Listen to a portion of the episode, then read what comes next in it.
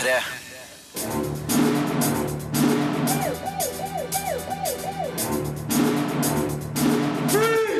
Filmpolitiet! What's your name, dude? Eh, Birger Vestmo. What kind of stupid name is that? I dag får du høre hvorfor Paranormal Activity The Ghost Dimension så vidt unngår å være en parodisk skrekkfilm. Hvorfor drømmen om MGP Junior er litt for blass for kino. Og hvorfor dialogen er den fremste kvaliteten ved premierefilmen Mistress America. Dessuten diskuterer vi den nye Star Wars-traileren. Back to the Future Day, og du får anmeldelse av det nye storspillet Assassin's Creed Syndicate. Filmpolitiet anmelder film.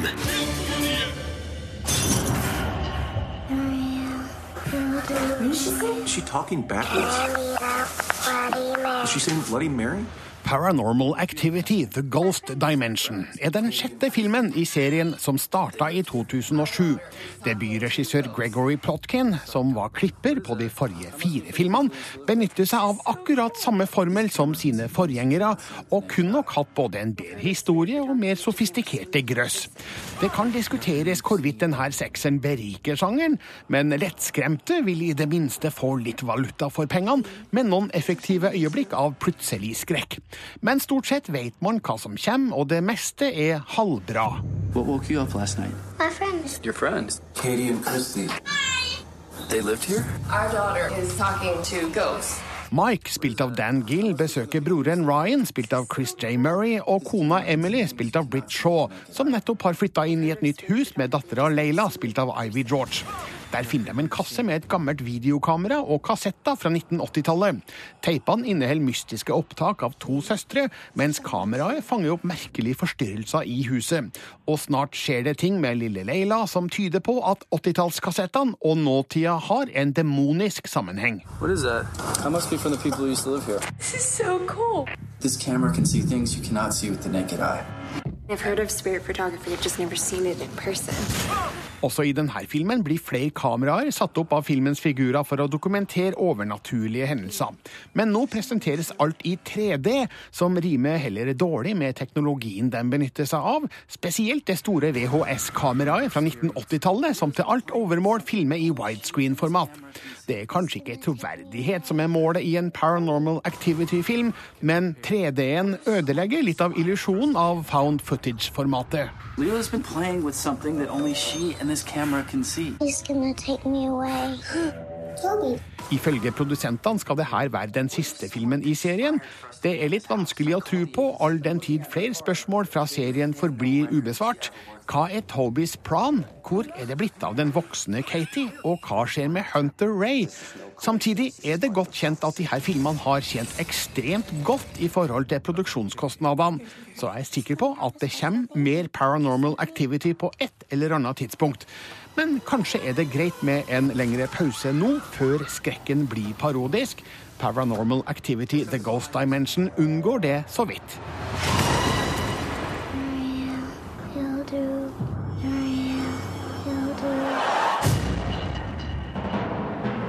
Terningkast tre. Les mer om film, spill og serier på p3.no Filmpolitiet. Sigurd og Marte er her sammen med meg i Filmpolitiet-redaksjonen. Og ja, har det skjedd noe spesielt spennende den siste uka, dere? Ja, kan det være at det kanskje kom en eh, Star Wars-trailer denne uka? Muligens. Vi må snakke om det, sjøl om at dette allerede har vært omtalt i bøtter og spann. Men vi har ikke snakka om det, fordi dette har jo skjedd i uka siden vi hadde sending sist. Um, vi er bare nødt til å høre litt på den her.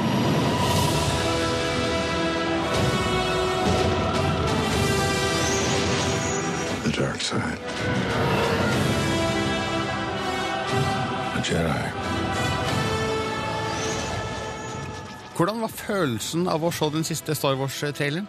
Gåsehudfremkallende. Ja, på, på Eh, slutten så blir det det. Den ja. starter litt sånn ja, tøft, kult, og så bare når uh, Harrison Fords eh, stemme kicker inn midtveis der og forteller om at alt var sant, myten Nei, da, da kjenner jeg at eh, det, det, det er altfor lenge til midten av desember. Men det beste med denne traileren er at vi vet jo egentlig ennå ikke hva filmen skal handle om. Nei, og det er så deilig, for at, uh, vi vil jo ikke få avslørt filmen sånn som veldig mange trailere gjør.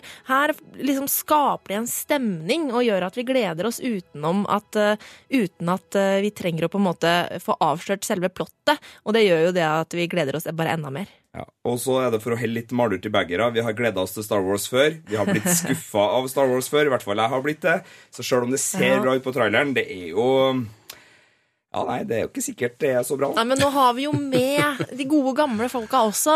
Altså, Jeg tenker at det her må jo bare bli bra. Politiskolen 7 hadde også av originalkastet. original-castet. Ikke dra inn politiskolen i deg, Sigurd. Jeg vet egentlig ikke hvor eh, mye jeg gleder meg til å se gamle Han Solo og gamle Leia Og og, gamle. Luke. Blir det for trist? Ja, at det blir litt sånn sørgmodig i og med at de har blitt 30 år eldre alle Ja. sammen. Tror du Carrie Fisher og altså, Leia og, og han har kaka og barnebarn og, og byr på det? Og er litt sånn koselig altså, familie jo- på en eller annen jeg har jo, har jo sett på nett at noen driver og spekulerer i om Ray kan være dattera av han og Leia. Så eh, da vet vi jo ikke helt hvorfor hun tilsynelatende lever et uh, ensomt uh, scavenger-liv på planeten Jakku, uh, og ikke sammen med dem, men det er kanskje noe av det vi får svar på i filmen. Men i hvert fall nok en gang en ung person på en ørkenplanet som skal begynne på et stort eventyr. Som har en droide. Høres det kjent ut? The Force. It's calling to you.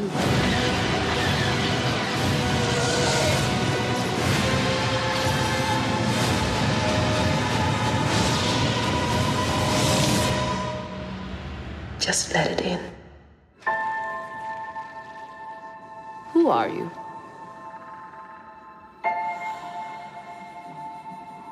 I'm no one.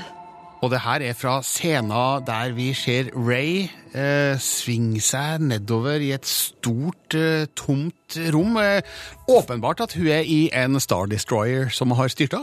Fikk sånn Batman-følelse når uh, hun for ned det her mørke, mørke skallet av et skip. Men ja, det er tydelig å se at det, det er lenge siden eh, vi så noe til disse greiene her sist. Altså, ting er på en måte Det er forlatt. Det er bare tomt, og så oppdager hun da dette her. I was raised to do one thing. But I've got nothing to fight for.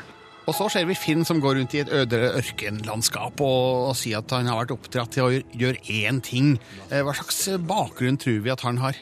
Ja, altså Det er jo veldig spennende, for det har jo vært en del diskusjon eh, rundt dette med at han har på seg en, en trooper-drakt. Eh, og det kan jo virke som at han faktisk på en måte tilhører eh, eh, noe, et eller annet, en eller annen gruppe fra den gamle, nedlagte Empire, liksom. Altså at han er en eller annen etterlatt eh, sympatisør eh, på den sida, kanskje? Nothing will stand in our way. I will finish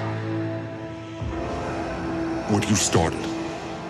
Så ser vi bildet av Kylo Ren, som virker å være den store nemesisen i eh, The Force Awakens, Sigurd. Og det er et eller annet som gjør at jeg enten har lyst til å bare gremmes eller glede meg usannsynlig mye når vi ser han står med maska da, til gode, gamle Darth, som ser litt sånn eh, funnet på søppelhaugen ut. Eh, litt sånn tacky. Og så eh, Ja, nei, men, jeg lander på å glede meg utrolig, altså. Det, det ser helt nydelig ut. There are stories about what happened. It's true. All of it.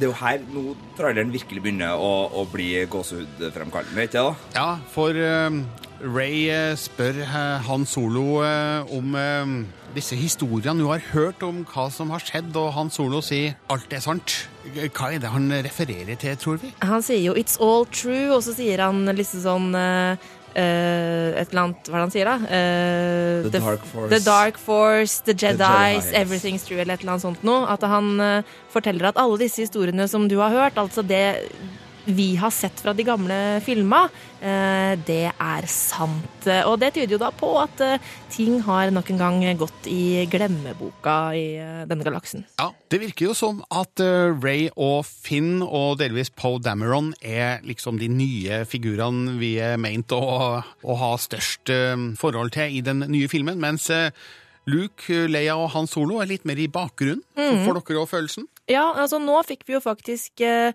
se litt bitte litt mer til Leia og, og Han Solo i traileren, da. Men Luke har vi jo fortsatt bare sett den samme greia med at han tar på R2D2. Um, så hva som har skjedd med han, det er usikkert. Men nå har de jo satsa stort på disse nye unge skuespillerne, så det er tydeligvis eh, dem fokuset skal være på. Tenk om noe har skjedd med Luke? Det Hva? vi vet ikke har skjedd, Ja, er at de har ikke noe fått, har skjedd. De har ikke fått en sånn eh, biohånd på den, for den var fremdeles uh. Robot? Ja. Ja, nettopp. Så teknologien har ikke kommet dit.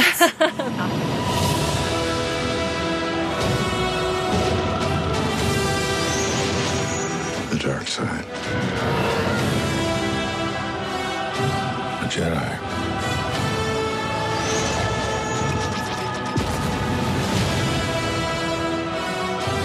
They're real.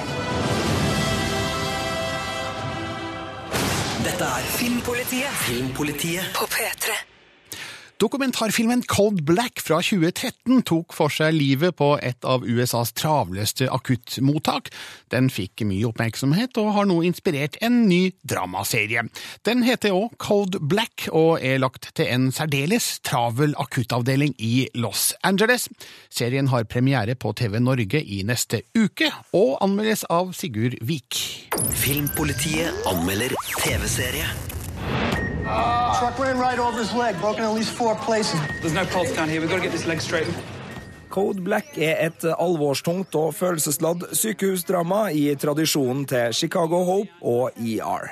Serien følger sjangerklisjeene med en nesten utmattende forutsigbarhet. Det er mye kvalitet i håndverket her, men det her er også en serie som vil irritere mange med sine enkle og overdrevne karakterer, snufsevennlige sykehistorier og en ganske skamløs bruk av pianomusikk til ettertanke og sekvenser i sakte film. Tittelen på serien er begrepet som beskriver når en akuttavdeling har så mange pasienter at det egentlig ikke er nok medisinsk personell tilgjengelig. Vanligvis noe som kan skje en fem-seks ganger i året på et vanlig akuttmottak, men på fiktive Angels Memorial Hospital i Los Angeles er dette en daglig hendelse. Blant slagpasienter, blodige gjengmedlemmer og trafikkskadde følger vi fire ferske praksisleger som skal få testa om de har det som kreves for å lykkes på akuttmottakenes hovedscene. For å vise dem veien har de den omsorgsfulle sykepleieren Jesse Salander, spilt av Louise Guzman, og den strenge, men godhjerta eh, legen Leanne Rorish, spilt av Marcia Gay Harden, som ledestjerna. Code Black er veldig interessert i å få oss til å føle. Den bruker nesten all sin tid på å reparere kompliserte skader på en mengde pasienter med særdeles dramatiske bakhistorier. Skader som krever kløkt og ferdigheter fra legene, og som enten fører til sorg og livsvisdom, eller lykke og livsvisdom. Det er effektive ingredienser i et eh, sykehusdrama, men det blir altfor mye av det gode i Code Black. Hang on. All right, Chris X. Reach inside. Feel for the baby. When? Now. Oh my God. Everybody ready? One, two, three. I got her. Samspillet mellom figurene sitter heller ikke spesielt godt etter tre episoder. Det som skal være en sjarmerende lek av fornærmelser mellom den ledende sykepleieren og legen, blir til en temmelig stiv dans. Og de fleste av replikkene som er ment å være avvæpnende, og som skal få oss til å smile litt mellom all sorgen, er både dårlig skrevet og klumsete levert. Men eh, til tross for store svakheter og lite dybde, det her er også en serie som vil glede dem som elsker sjangeren. Code Black sin store styrke er at sjøl om klisjeene er irriterende, så blir serien aldri kjedelig. Det høye tempoet og den emosjonelle drivkraften er i stand til å bringe tårene fram i øyekroken. Og sjøl om rollegalleriet halter ganske kraftig innledningsvis, så er det både skuespillere og figurer her som bør kunne gi både puls og hjertevarme til det hektiske akuttmottaket. Terningkast tre. Les mer om film, spill og serier på p3.no Filmpolitiet. Cold Black har premiere på TV Norge førstkommende torsdag 29. oktober klokka 21.30, og ble anmeldt av Sigurd Vik. Filmpolitiet anmelder film. Jeg skal til MGP-audition! Åh, Savsen kommer i fjernsynet! Det her, det er Karl, og Karl han er flyttet fra Jylland til København. MGP Junior er populært i Norge, men kanskje enda større i Danmark. For derfra kommer nå spillefilmen 'Drømmen om MGP Junior'. Den har en bare mildt spennende historie om kulturkollisjoner med religiøse undertoner, og overraskende lite fokus på musikken. Filmen blir en anelse for blass for kino. Trolig vil det her fenge noen barn rundt 10-12 år, som sjølsagt er filmens målgruppe, men drømmen om MGP Junior var ikke mer enn middels interessant for en voksen filmkritiker. Hvorfor sender du den igjen til MGP? Jeg må ikke for min far. Vekk, jeg er ligeglad! Carl, spilt av Sylvester Byder, flytter til København og finner en felles musikkinteresse hos den nye klassevenninna Savsan, spilt av Malika Sia Graff. Hun drømmer om å delta i MGP Junior, og Carl vil hjelpe hun med å nå finalen. Men Savsan lever under streng sosial kontroll fra slekta og hele det muslimske miljøet i bydelen. Hun nektes både å delta og ha kontakt med Carl, som til alt overmål er kristen og snakker jevnlig med Gud. Men de nye vennene forsøker likevel å finne en utvei. Du skal med til den konkurransen. Hvordan har du tenkt at det skulle la seg gjøre? Jeg finner på noe. Jeg finner på noe. Filmen forsøker innledningsvis å skildre kontrastene mellom bygd og by. Øde strender og hvitt hav kryssklippes med travelt byliv med halal og kebab. Det blir litt overtydelig. Senere ser vi Carl som den naive bygdegutten som ikke forstår konvensjonene i den multikulturelle skolegården. Det blir òg litt overtydelig. Kanskje gjør dette historien enklere å forstå for barna som tross alt skal se filmen. Men noen fine spissfindigheter forekommer. Carls mor snakker om de utenlandske barna. Han kommenterer at de alle er danske. Mor svarer 'du forstår hva jeg mener'. Har du aldri sett en politibil før? Den har jo uretning. Dramatikken rundt Savsans MGP-deltakelse mangler nok en smule troverdighet, bl.a. det fraværende apparatet rundt arrangementet. Hun skal liksom bare møte opp, så er saken biff. Jeg tror Danmarks Radio har sakene mer på stell enn som så, men kanskje er ikke det her så viktig. Vennskapet mellom Savsan og Carl er godt skildra, med fine prestasjoner fra de unge skuespillerne. Og som alltid er det morsomt å se barns åpenhet kontra voksnes fordomsfylte trangsyn. Men både utviklinga og konklusjonen på historien er i overkant forutsigbart. Din sønn har kidnappet min datter. Terningkast tre. Filmpolitiet.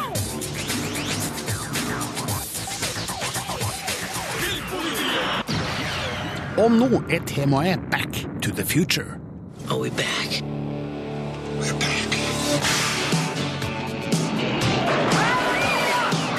What do you mean we're in the future? October 21st, 2015.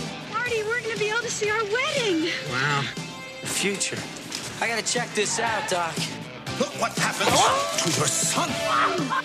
Denne uka har vi mimra og mimra og mimra litt til om Back to the Future, spesielt film nummer to. For 21. oktober var det altså da nøyaktig den dagen Marty McFly og Doc Emmett Brown kommer til fremtida fra 1985. Og det har jo ikke gått eh, oss helt hus eh, forbi. Marte, du har eh, vært med og laga en artikkel som har stått på nrk.no om hvilke teknologiske nyvinninger fra filmen som eh, har blitt virkelighet, og hvilke som ikke har blitt det. Ja, jeg sier bare 'hvor er hoverboardet mitt?' det er jo sånn at det, det har jo faktisk begynt å eh, lage noe som ligner på hoverboards, men bruker en annen teknologi, nemlig magnetisme istedenfor sånn luftputeteknologi. Men vi har jo ikke de hoverboardsa som er i filmen, og det er et stort frustrasjonsmoment for meg. Altså. Men eh, Marte, det, det du ikke vet nå, det er at eh, vi skal ikke snakke om det. Skal vi ikke? Nei. Eh, jeg og Sigurd vi har en høne å plukke med det. Ja. Åh, For i den ja. artikkelen I den artikkelen så skriver du at sett med dagens Ja. øyne så har Back to the Future tapt Ja! Ah, ok, Jeg så jo filmen. Jeg har sett filmen så mange ganger. Det er noe gærent og jeg så den dine. igjen i kinorommet her på NRK eh, da vi skulle skrive den artikkelen sammen med Erlend Åke Solbu. Mhm. Og jeg elsker filmen. Altså, misforstå meg rett. Jeg Mhm. syns den er kjempegøyal og kjempeunderholdende. Men det er altså så mange sånne derre eh, plotthull i det manuset, og det er altså Produksjonsdesignet sett med 2015-øyne er ikke akkurat Sett med 2015-øyne? Ja, det er jo det jeg sier. Sett med 2015-øyne. Du Men det er ned, fortsatt gøy. du er rakker ned på manus, du rakker ned på skuespillerprestasjoner. Der kunne jeg faktisk sagt konkret hvem jeg rakker ned på, og det er han godeste som spiller eh, barnebarnet til Biff. Altså han som spiller Biff i alle forskjellige varianter. Husker ikke hva han heter i farta. Men barnebarnet til Biff Sorry, ass. Det og, og også de der, det er en del sånne sekvenser hvor Martin Marty McFly eh, skal snike seg inn på Biff og gjemme seg og sånn. Og så er det, det er vel morsomt. Det er vel kjempegøy. Vi ville jo av det. Men det er liksom Det, det, det, er, det er for flåsete. Men herregud, det blir ikke jeg elsker filmen. Jeg syns det er kjempegøyal, men den har ikke stått seg 100 altså. Men kunne noen har spilt Doc Emmett Brown bedre enn Christopher nei, Lloyd? Nei, nei, ingen rakker Kunne noen har spilt nei. McFly bedre enn Michael J. Fox? Nei, ingen rakker ned på Ingen rakker ned på Christopher Du høres ut som en politiker og... som akkurat har tatt fra et uh, budsjett uh, til en landsdel. Og som har sagt Nei, nei, nei, nei, nei. Vi, vi, er ikke, vi har ikke gjort noe galt. Alt kommer til å bli bra. Men Men det her er sånn som liksom sånn, Man må kunne si ja, du elsker filmen. Den er kjempegøyal og underholdende. Men altså, når man ser på det, så er det jo ikke alt som er like bra. Og det må man kunne innrømme. jeg vil sende deg til en 2015-optiker for å få sjekka 2015-øynene dine, for det der er bare Marty! You've got to come back with me. Where? Back to the future. Jeg har faktisk vist de to første filmene til ungene mine, som er 10 og 12. De elska det sikkert. Nei, Nei? det var litt sånn Trippeltime til optiker. De har justert eh, 2015-øynene Å sine. ja, var det, var det for uh... Nei, de syns det var litt kjedelig. Så kanskje er det noe likevel her, da, at eh, filmen er et produkt av sin tid. Eh, Men vi som så den den gangen, eller litt seinere, vi elsker den jo. Og det, Ja. var, det var jo helt åpenbart på Jimmy Kimmel Show eh, den eh, 21. oktober, eh, talkshow i USA, der eh, Marty McFly og Doc Emmett Brown krasja showet. Kom inn på scenen med sin DeLorean eh, tidsmaskin. og eh, ja, de var jo in character, da, Christopher Lloyd og eh, Michael J. Fox. Ja, Det er veldig gøy. Great Scott! Doc, Doc, where are we? According to my calculations, this is the year 2015, Marty. The future. Whoa, 2015, that, that, that's heavy. All these people must have got here in their flying cars. Uh, no, we never, you know what? We never figured out flying cars, actually. We never did figure that out. Oh, oh. Who are you? Ja, Det var et lite klipp fra Jimmy Kimmel Show på um, onsdag. Eh, så nå er vi kanskje ferdig med å mimre om Back to the Future, men en ting jeg festa meg ved den siste uka, var um, eh, en liten intervjusnibbet fra Christopher Lloyd. Han, han sier at han, eh, han kunne gjerne tenkt seg å spille Doc Emmett Brown en gang til. Ja, Hmm. det må han jo få lov til. Er det noen av dere som kikker på det etter å ha sett eh, Jimmy Kimmel-opptredenen? Men altså, hvem skal spille Marty McFly, da? Altså, det blir jo Altså, stakkars. Da får vi en Parkinson Har Marty McFly fått Parkinson, da, stakkars? Ja, og så må tilbake i tid for å redde Og for å redde Nei, okay. seg sjøl. Fra til fremtiden for å finne en kur? Nei, Men det var veldig hyggelig å se dem på Det Jimmy Kimmel. Det var veldig gøy. Veldig trivelig. Men vil vi ha en ny film nå, så mange år etter? Det er jeg litt usikker på, altså. Trenger ikke.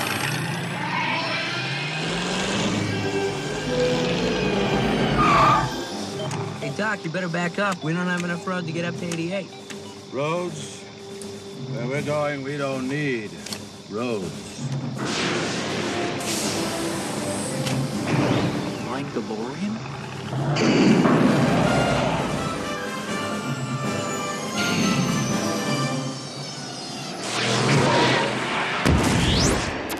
Filmpolitiet anmelder film.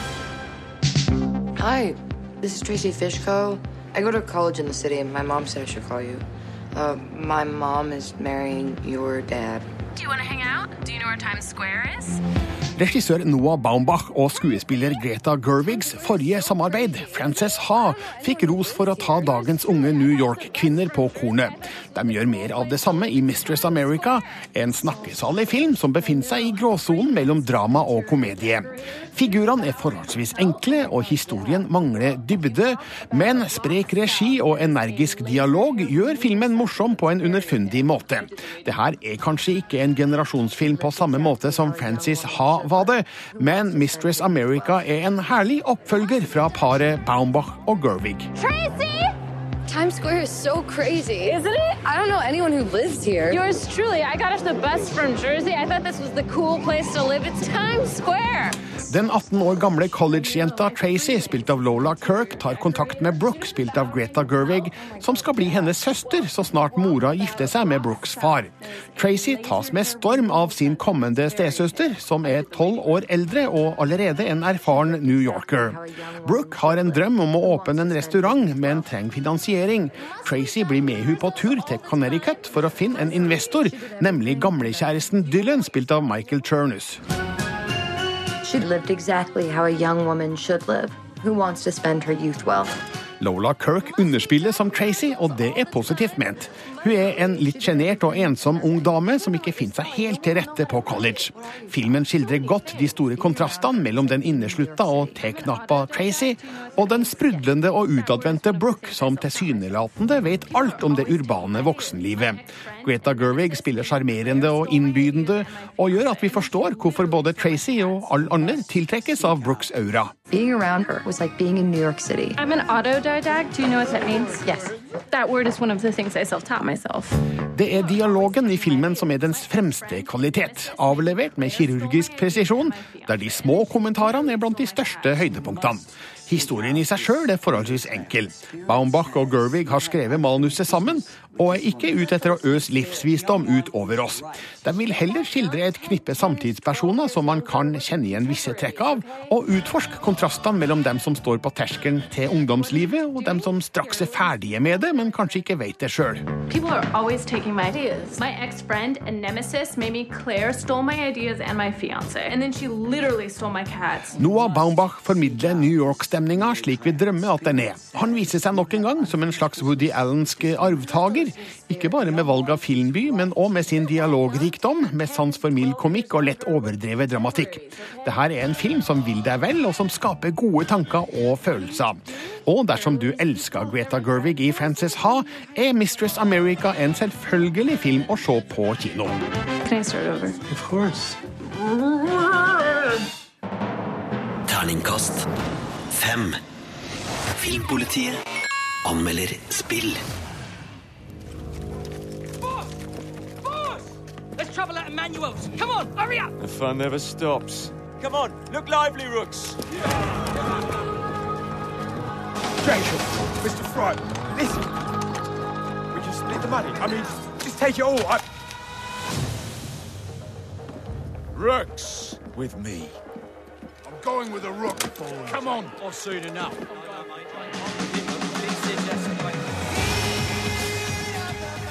I dag er det lansering på det niende store spillet i Assassin's Creed-serien. Det heter Assassin's Creed Syndicate, og det er en oppfølger fra Assassin's Creed Unity fra 2014. Marte Hedenstad? Yes, det stemmer. Denne gangen så er det London vi skal til på slutten av 1800-tallet. Eh, Og det som er litt gøyalt her, er at eh, vi hørte jo rollefiguren Jacob Fry snakke på denne, dette trailerklippet, men han har også en søster, Evie Fry, så for første gang eh, i hovedserien til Assassin's Creed så kan det altså spille med en dame, og det er ganske kult. Hvordan gjenskapes London anno eh, siste del av 1800-tallet, Ja, syns du? altså det er jo da Victoria-tiden eh, vi er inne i, og London er en flott by å, eh, å utforske eh, i Assassin's Creed. eh, Det, altså, det er kjempesvært, eh, og vi har jo da masse bygninger som er liksom i riktig skala, så du kan jo da liksom klatre opp på Big Ben og diverse store bygninger i London, eh, og det er eh, veldig spennende. Um, Det som er fint, er at byen er delt inn i forskjellige soner, eh, sånn at den ikke blir uoverkommelig å utforske. Så det er veldig bra. Hva gjør du som spiller her? Hva er liksom the mission? Ja, altså, Det er jo da Evie og Jacob som er en del av denne assassinersekten, som vi jo kaller det på norsk, assassins, så de er snikmordere. Og deres mål er å eh, ta byen ut av templerne sine, altså tempelridderne sine klør. Eh, Og tempelridderne de har eh, en rekke sånne gjengsjefer rundt omkring i London, og du må da styrte disse og ta over byen.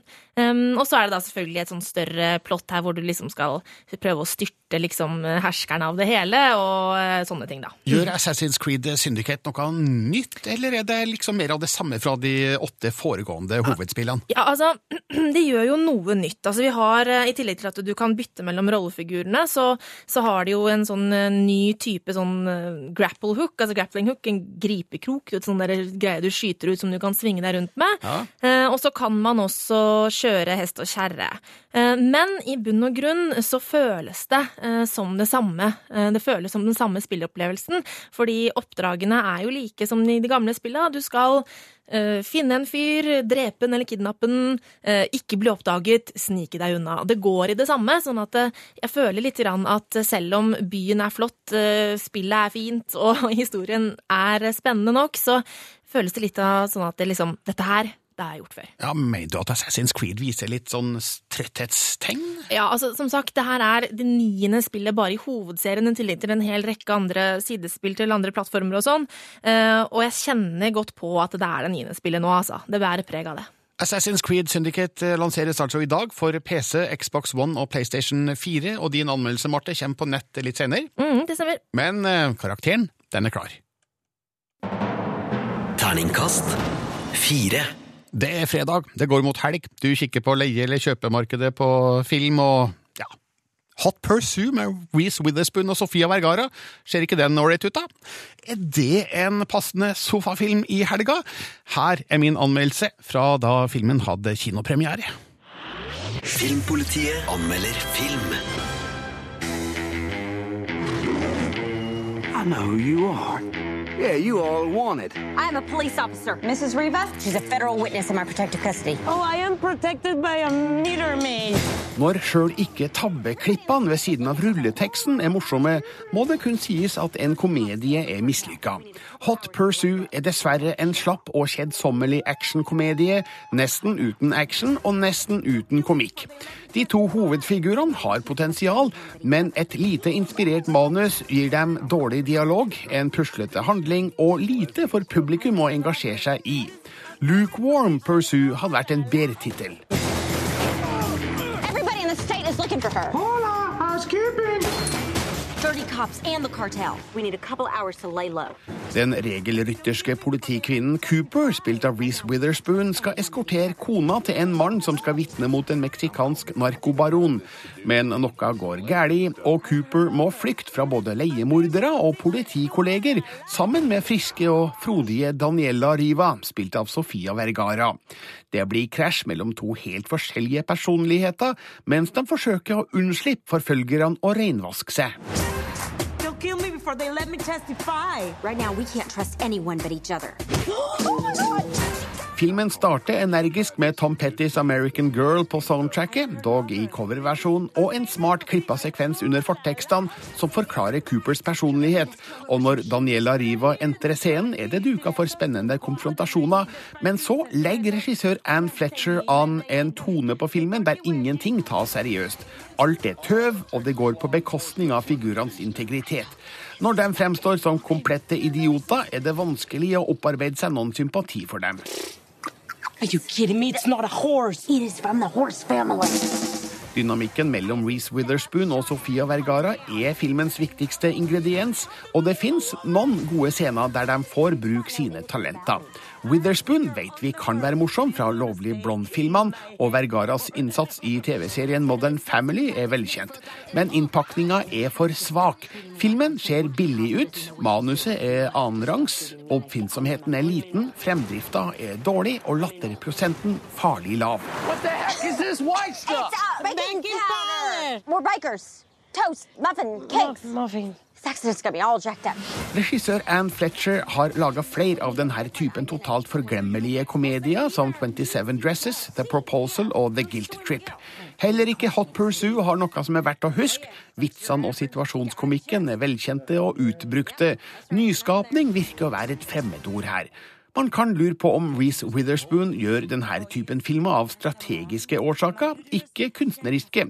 Det er ingen skam i det, men da burde hun satse på langt bedre prosjekter enn Hot Pursue.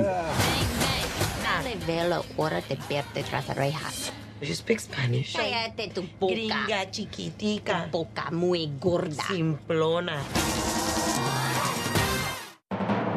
Terningkast to. Ja, Så da håper jeg du ikke sjekker ut Hot Pursue på Blu-ray, DVD eller strømming denne helga. Filmpolitiet anmelder film. Og nå skal du få høre hva jeg mener om katastrofefilmen San Andreas, som denne uka kom ut på Blu-ray, DVD og strømming.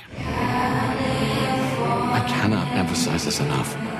Jeg kan godt like en god katastrofefilm i ny og ne, og San Andreas har flere lange og tøffe effektscener der det går hardt utover både Los Angeles og San Francisco. Dwayne Johnson vekker dessverre mer overbærende latter enn beundring i den sentrale helterollen, og historien mangler fullstendig sjølironisk distanse til begivenhetene. San Andreas er nøye kalkulert og imponerer visuelt, men er ganske råtten på historiefortelling og figurskildring. Jump to a 7.1! Jesus, Kim, get the hell out of there! California utsettes for ekstreme jordskjelv langs hele San Andreas-forkastninga, forutsett og forklart av Caltech-professor Lawrence, spilt av Paul Giamatti.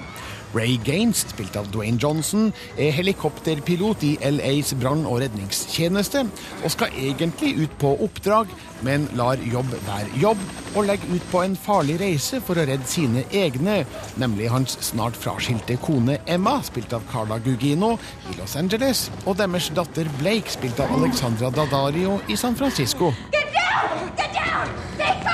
Sjølsagt burde Dwayne Johnsons heltefigur spørre seg om det er moralsk riktig å bruke skattebetalernes helikopter til hva han vil, men når han bråkjekt annonserer 'Let's go and save our daughter', er det bare å innse at det her er en refleksjon uten plass i denne filmen.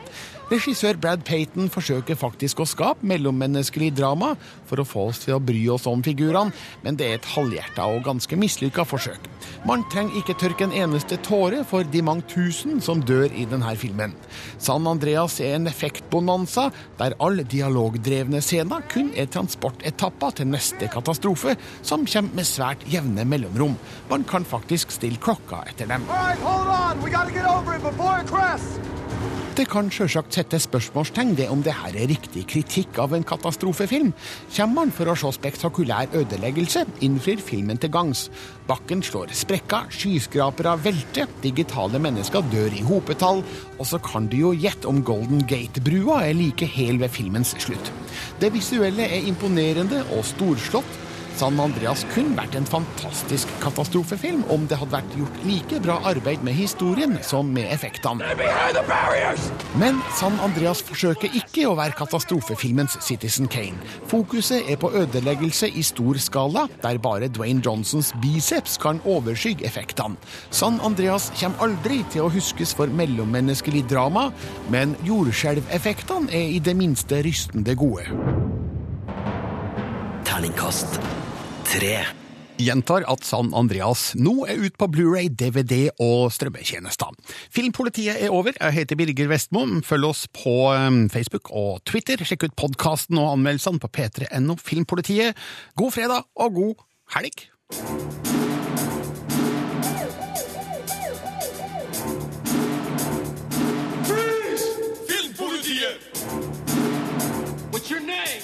Uh, Birger Vestmo. Kind of Hør flere podkaster på nrk.no podkast.